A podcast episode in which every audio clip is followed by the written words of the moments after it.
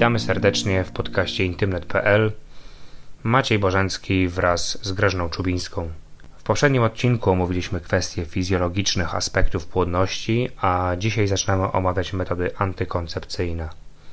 Ostatnio powiedziałaś o tym, że wyróżniamy trzy grupy środków antykoncepcyjnych: mechaniczne, chemiczne i hormonalne. No i teraz spróbujmy się przyjrzeć tym metodom, które e, są obecnie na rynku, które możemy e, zastosować po to, żeby regulować tą płodność. Chciałabym tu jeszcze powiedzieć o kilku kwestiach takich związanych z wyborem tych metod, nim przejdziemy do takiego przeglądu. Że bardzo ważne jest w momencie, gdy dokonujemy takiego wyboru metody antykoncepcyjnej dla siebie i swojego partnera, że należy uwzględnić kilka kwestii. Do każdego człowieka można dopasować inną metodę. I dlatego przed podjęciem decyzji warto przyjrzeć się różnym możliwościom, rozważając właśnie ich zalety i wady. Warto przyjrzeć się także osobistym uwarunkowaniom. Pierwsze z nich to jest czynnik zdrowotny. I tutaj przede wszystkim uwzględniamy wiek, stan zdrowia, wykluczający lub determinujący stosowanie takich, a nie innych metod antykoncepcyjnych. Lekarz ginekolog zresztą pomagający w doborze metody musi mieć pełen wgląd jakby w tą historię medyczną e, pacjentki. Drugi czynnik to jest status bycia z partnerem. Czy jest to stały związek, czy kontakty z różnymi partnerami. E, do tego wiedza, jak często podejmuje się spożycie seksualne, czy planuje się posiadanie dzieci, czy jeszcze nie, lub w ogóle nie, bo i takie decyzje mogą przecież być. I jak na to popatrzymy, to jeszcze taki trzeci czynnik osobisty bardzo, czy ja daną metodę akceptuję, czy nie. Bo wystarczy, że jedno z partnerów nie będzie akceptowało i przestanie ono spełniać funkcję, jaką ma do spełnienia, czyli ułatwiania kontaktów intymnych, bez możliwości zajścia w ciąży, jeżeli tej ciąży nie planujemy. E, metody antykoncepcji różnią się też skutecznością zapobiegania tejże niechcianej ciąży i dzielimy je na takie dwie główne kategorie, mianowicie metody mechaniczne, które mają na celu uniemożliwić przedostanie się plemników do tego jajeczka, gdzie mogłyby zapłodnić tą komórkę, czyli do macicy, później do e, jajowodów. E, druga grupa to są metody hormonalne, które polega ich zadanie na tym, żeby blokować jajeczkowanie czyli hamować funkcjonowanie jakby tego układu rozrodczego w tym momencie. To jest tylko takie czasowe zmienianie jakby tej fizjologii. Jeszcze jakieś 20 lat wstecz funkcjonowały tak zwane metody chemiczne, czyli zastosowanie różnych żeli, kremów, które z kolei zmieniały układ. Mówiliśmy na którymś spotkaniu o obronie chemicznej przed różnego rodzaju infekcjami. Otóż poprzez zmiany właśnie biochemii w układzie rozrodczym, układzie w macicy i w jajowodach nie dopuszczały do, e, do tego, by plemnik mógł się przedostać e, do jajnika. I teraz tak, wróćmy do tych metod mechanicznych. Tak jak wspomniałam już, mają one na celu uniemożliwienie plemnikom przedostania się do macicy. Zalety to mogą być stosowane przez kobiety, które nie mogą lub nie chcą stosować antykoncepcji hormonalnej. Prezerwatywa jest jedną formą antykoncepcji, która stosowana prawidłowo chroni w, istny, w istotnej mierze przed, i to jest ważna uwaga, przed przenoszonymi infekcjami drogą płciową, przed infekcjami przenoszonymi drogą kontaktów seksualnych. Ponadto zapewniają ochronę przed niechcianą ciążą, zarazem nie wpływając na naturalny ten rytm płodności, o tym wspominałyśmy. Dlatego nie mają zazwyczaj skutków ubocznych.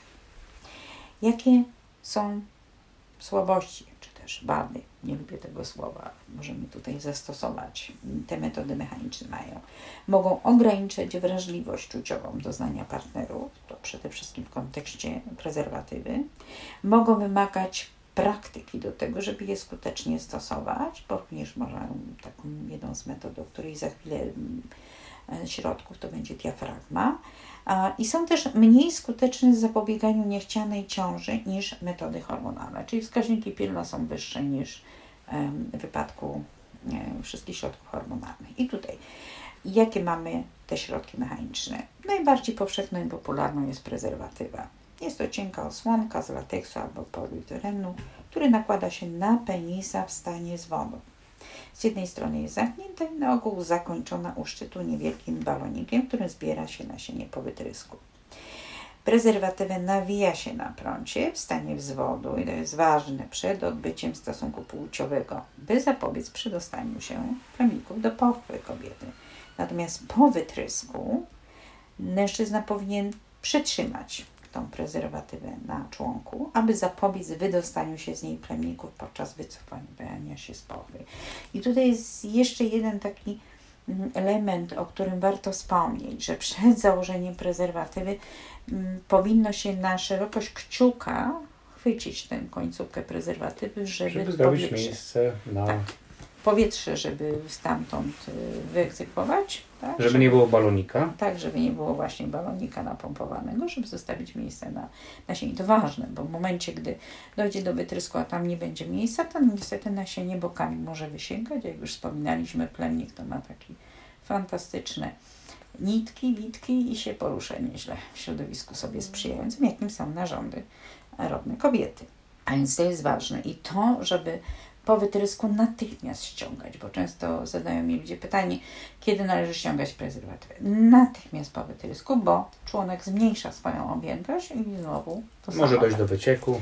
Dokładnie o to chodzi. Więc zaraz po wytrysku ściągamy prezerwatywę, zawiązujemy do supełek i wyrzucamy, uwaga, do kosza na śmieci. Żadne inne miejsca, które mhm. mogą zadziałać na inne historie domowe, na przykład zatykanie rur i tym podobne. Więc miejscem, o którym warto, żeby też wspomnieć, jest na pewno kosz na śmieci. O tym zawiązywaniu na supełek myślę, że też możemy tutaj sobie śmiało wspomnieć, że warto, żeby inne osoby nie miały kontaktu z tymże nasieniem, ponieważ ono stanowi w wypadku jakiejkolwiek infekcji e, przenoszonych drogą kontaktów seksualnych stanowi zagrożenie. Tak, tak jest to źródło tej infekcji po części. Tak. Dostępne są też na rynku prezerwatywy dla kobiet, to już od co najmniej 20 lat.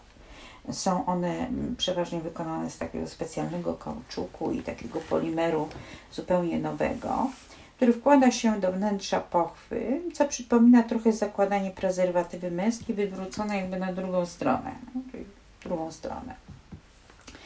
E, nie należy ich, broń Boże, stosować równocześnie z prezerwatywą męską, ponieważ skutek ich wzajemnego pocierania no tak jedna z nich może pęknąć, czyli już w tym momencie e, tracimy nad tym kontrolę.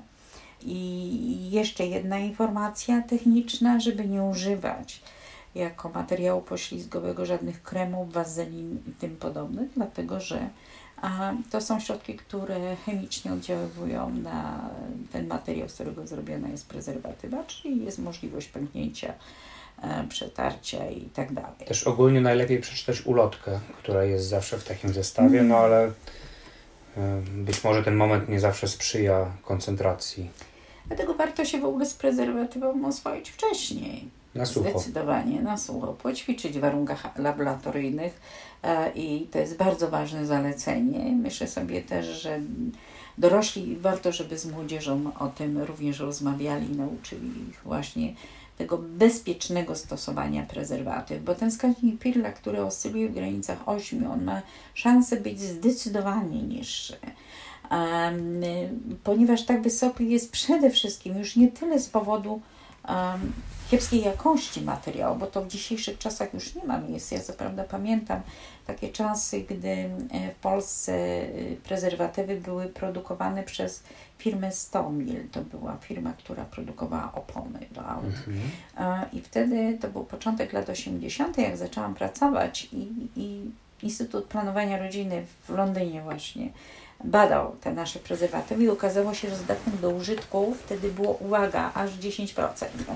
Zdatnych do użytku, czyli 90% było niezdatnych niestety. do użytku. No i niestety wtedy był problem z ogólnie pojętą kontrolą jakości na wyrobach. Zdecydowanie. Po kilku latach, pamiętam, było nam gdzieś w 85 chyba 30%, więc zdecydowanie się poprawiła ta jakość, no z 10 na 30. Tak. Natomiast już pod koniec lat 80., początek lat 90. naprawdę Unimil, który zaczął wieść jakby prym na rynku produkcji polskich prezerwatyw, no miał już atesty Światowej Organizacji Zdrowia i w ogóle. Poza tym to był już czas, gdzie można było dostać różnych innych firm, typu Durex na przykład. Tak? To nie jest problemem. Natomiast główna przyczyna, według mnie, przez te całe lata, jak obserwuję zachowanie ludzi, polega na tym, że ludzie e, nie przestrzegają tych zasad, żeby sprawdzić wcześniej tą prezerwatywę, żeby mm, po drugie, żeby zostawić ten, e, to wyciśnięte powietrze na końcówce prezerwatywy, bo wtedy ona pęka.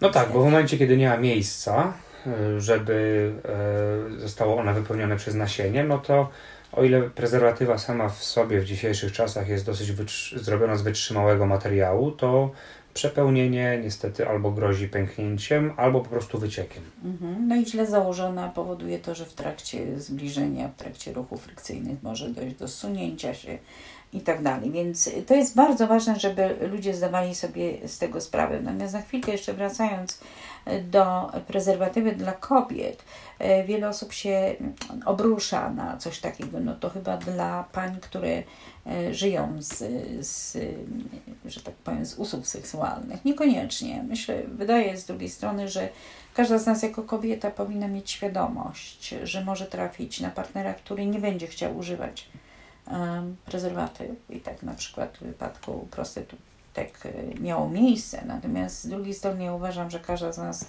takie prezerwatywy warto, żeby się zastanowiła, czy jeżeli nie ma stałego, nie jest to stały związek jej, żeby mieć zabezpieczenia. Poza tym w ramach oswajania się z prezerwatywą wydaje mi się, że powinniśmy przypomnieć taką bardzo ważną zasadę, że każdy z nas warto, żeby tą prezerwatywę nosił, oczywiście nie w kieszeni spodni, ale w torebce czy w jakimś tam portfelu. Dlaczego? Dlatego, że to jest fantastyczny środek, który nie tylko będzie nas chronił przed infekcjami przenoszonymi drogą kontaktów seksualnych, ale wtedy, gdy na przykład będziemy musieli udzielić komuś jakiejś pomocy na ulicy, traktujemy to jak rękawiczkę.